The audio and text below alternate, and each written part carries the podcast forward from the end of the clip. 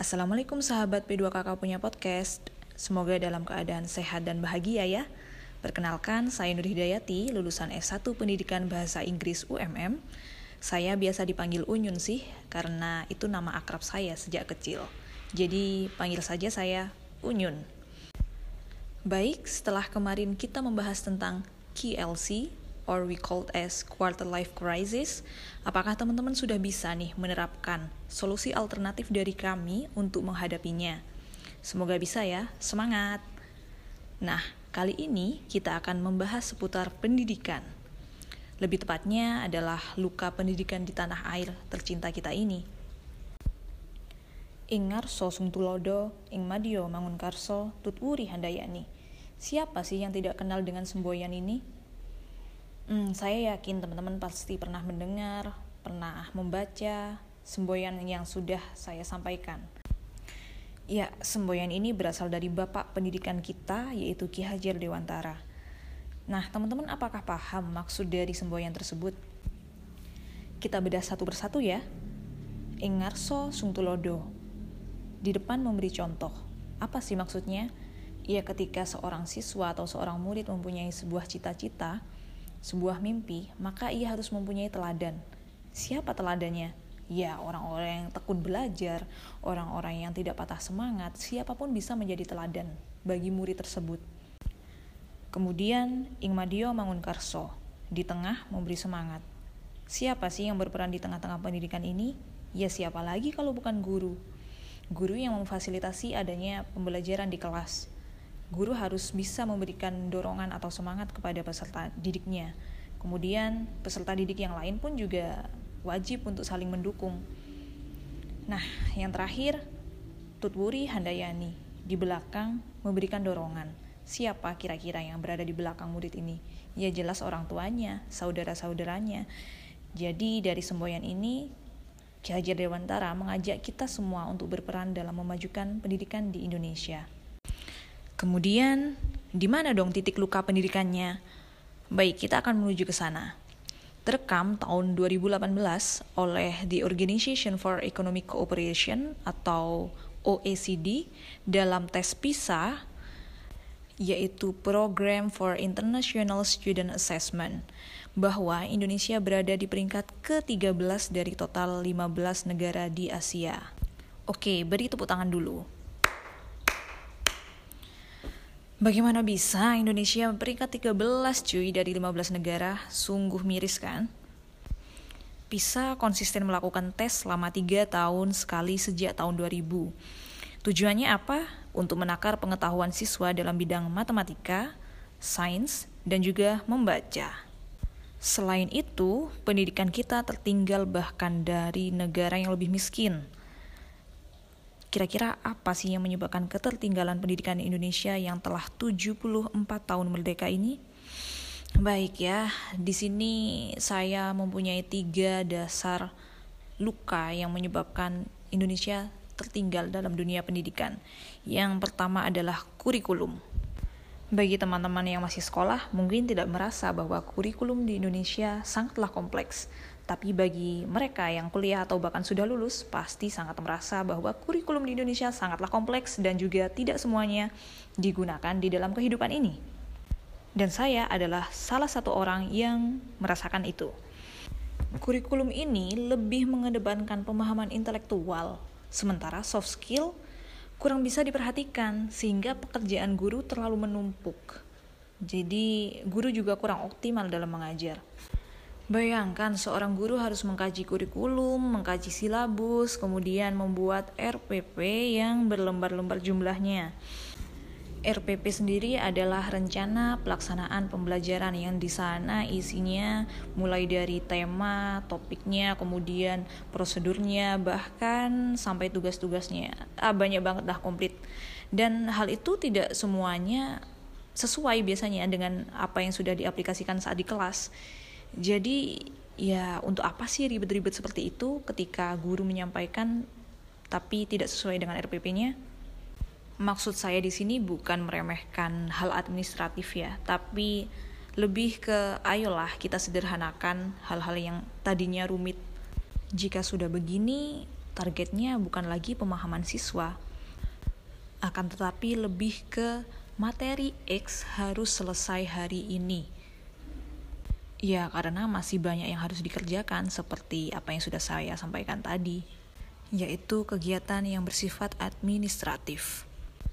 Bicara mengenai kurikulum, sudah tidak asing lagi bahwa kurikulum di Indonesia ini cenderung berganti-ganti nama tanpa mengubah esensi yang ada. Pemerintah juga kurang dalam melakukan survei ya terhadap kebutuhan peserta didik kebutuhan teknologi, dan juga kesesuaian sosial budaya sebelum diterapkannya kurikulum yang baru. Meskipun akhir-akhir ini Bapak Mendikbud yang baru yaitu Bapak Nadiem Makarim merencanakan penyederhanaan kurikulum dan mengenalkan program Merdeka Belajar. Akan tetapi kedua hal tersebut masih mengundang pro kontra dan juga masih sebatas rencana yang harus dikaji lebih dalam. Semangat Bapak, semoga hal ini bisa menyederhanakan kurikulum di Indonesia dan lebih memajukan pendidikan di Indonesia. Poin yang kedua yaitu tugas pemerintah adalah pemerataan distribusi tenaga pendidik. Dari segi penyebaran nih ya, tercatat bahwa kekurangan guru di perkotaan adalah 21%. Di pedesaan 37%. Dan di daerah terpencil bahkan di daerah pedalaman itu 66%. Ya, akibatnya banyak guru yang mengajar lebih dari satu mata pelajaran dan itu di luar bidangnya atau di luar ekspertisnya. Bagaimana bisa seorang guru yang tidak mempelajari mata pelajaran X harus mengajar mata pelajaran tersebut? Ya, selain harus mengerjakan RPP, dia juga harus belajar ulang dong. Apa tidak menyedihkan hal-hal seperti ini? Kurangnya pemerataan tenaga pendidik juga mengakibatkan input pengetahuan siswa yang didapatkan di desa dan juga di kota sangatlah berbeda. Mereka yang berada di kota akan mempunyai lebih banyak kesempatan untuk mengeksplorasi ilmunya dengan mengikuti berbagai bidang lomba, akan tetapi yang di pedesaan bahkan yang di daerah pedalaman mana bisa seperti itu. Motivasi yang didapatkan aja sudah berbeda ini pengalaman dari rekan-rekan saya pribadi ya bahwa banyak teman-teman SD saya dan juga teman-teman SMP yang tidak melanjutkan sekolahnya. Alasannya sih simple. Ya untuk apa buang-buang uang buang-buang waktu juga? Lebih baik saya mulai bekerja untuk memenuhi kebutuhan hidup sehari-hari. Poin ketiga masih berhubungan dengan tenaga pendidik atau guru yaitu kualitas tenaga pendidik Ya, berdasarkan survei UNESCO, kualitas pendidikan negara-negara berkembang di Asia Pasifik, Indonesia menempati peringkat ke-10 dari 14 negara dan mendapat peringkat ke-14 dari 14 negara berkembang untuk kualitas gurunya. Tepuk tangan karena Indonesia berada di peringkat pertama paling akhir. Oke, baik. Seringkali guru hanya sebatas mengajar dengan menggunakan metode yang kuno. Bukan begitu? Tanpa memahami apa sebenarnya kebutuhan peserta didiknya, apa bakatnya, apa minatnya. Sehingga hal ini jelas menyebabkan peserta didik kurang merasa nyaman dalam mengikuti pembelajaran. Nyatanya, guru juga minim menanamkan pendidikan karakter seperti kejujuran, keuletan, pantang menyerah dalam belajar. Contohnya adalah kasus bocoran kunci dari ujian nasional berbasis komputer atau UNBK. Ya, hal tersebut sudah jelas menunjukkan bahwa sekolah tidak percaya diri dengan mutunya. Jika kecurangan saja telah ditanamkan di sekolah, maka tak menutup kemungkinan dong peserta didik akan curang dalam menghadapi masa depannya. Oke, hal ini kecil tapi membawa impact yang sangat besar peserta didik itu layaknya kertas putih, bersih, dia tidak berdosa. Sedangkan pena diibaratkan adalah seorang guru. Sedangkan tangan adalah pemerintah. Jadi peserta didik tidak berdosa, ia hanya mengikuti apa saja yang diajarkan oleh guru dan yang diatur oleh pemerintah. Jadi sebenarnya kita di sini semuanya mempunyai amanah yang sangat berat, terutama Anda seorang guru dan juga pemerintah yang ada di dalamnya. Serta tak menutup kemungkinan juga bahwa dalam beberapa kasus peserta didik jelas menjadi korbannya menjadi kelinci percobaan dalam segala bentuk kurikulum. Ya, mengingat kita berada di era revolusi industri 4.0, sudah saatnya guru bukan hanya menjadi narasumber utama, melainkan sebagai pendamping, motivator, dan juga fasilitator. Ritme pendidikan di negara yang sangat luas ini ya memang dinamis, um, saya di sini punya beberapa solusi yang saya tawarkan ya. Semoga saja bisa bermanfaat. Yang pertama, sedikit demi sedikit merubah kurikulum menjadi lebih sederhana, namun aplikasinya lebih optimal. Misalnya, mengubah paradigma pengajaran berbasis sistetik materialistik dengan kreatif religius. Ya, dengan tujuan guru dan peserta didik tak lagi melupakan prinsip agama yang mereka tanamkan dalam dunia akademik. Yang kedua yaitu mengadakan studi atau penelitian di daerah 3T, terdepan, terluar, tertinggal. Dan juga penambahan program pemerataan guru lokal yang terfasilitasi sesuai kadar 3T di daerah tersebut. Ya selama ini memang ada sih seperti program SM3T itu ya, tapi hal itu kan hanya bertahan satu atau dua tahun. Maksudnya mereka yang menjadi relawan hanya berada di daerah tersebut selama satu atau dua tahun, sedangkan pendidikan kan akan selamanya terus berjalan. Jadi baiknya pemerintah bisa memberdayakan guru-guru lokal yang ada di sana karena guru-guru lokal yang ada di sana lebih paham akan budayanya. Pasti lebih nyaman atau kalau dalam bahasa Jawa lebih kerasan begitu ya. Nah itu maksud saya. Kemudian yang ketiga adalah guru harus mengobservasi kebutuhan dasar peserta didik. Ya, sesuai kata Bapak Mendikbud Nadim Anwar Makarim, beliau berkata bahwa hal utama sebelum memulai pembelajaran adalah ikatan batin antara guru dan siswa harus terkoneksi. Saya sangat setuju dengan hal ini karena kita mengajar dengan hati, bukan karena materi, seperti itu.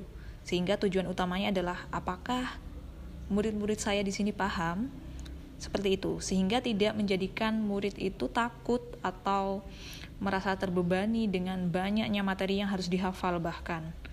Kemudian yang selanjutnya adalah menjadi guru itu tak selalu harus serius.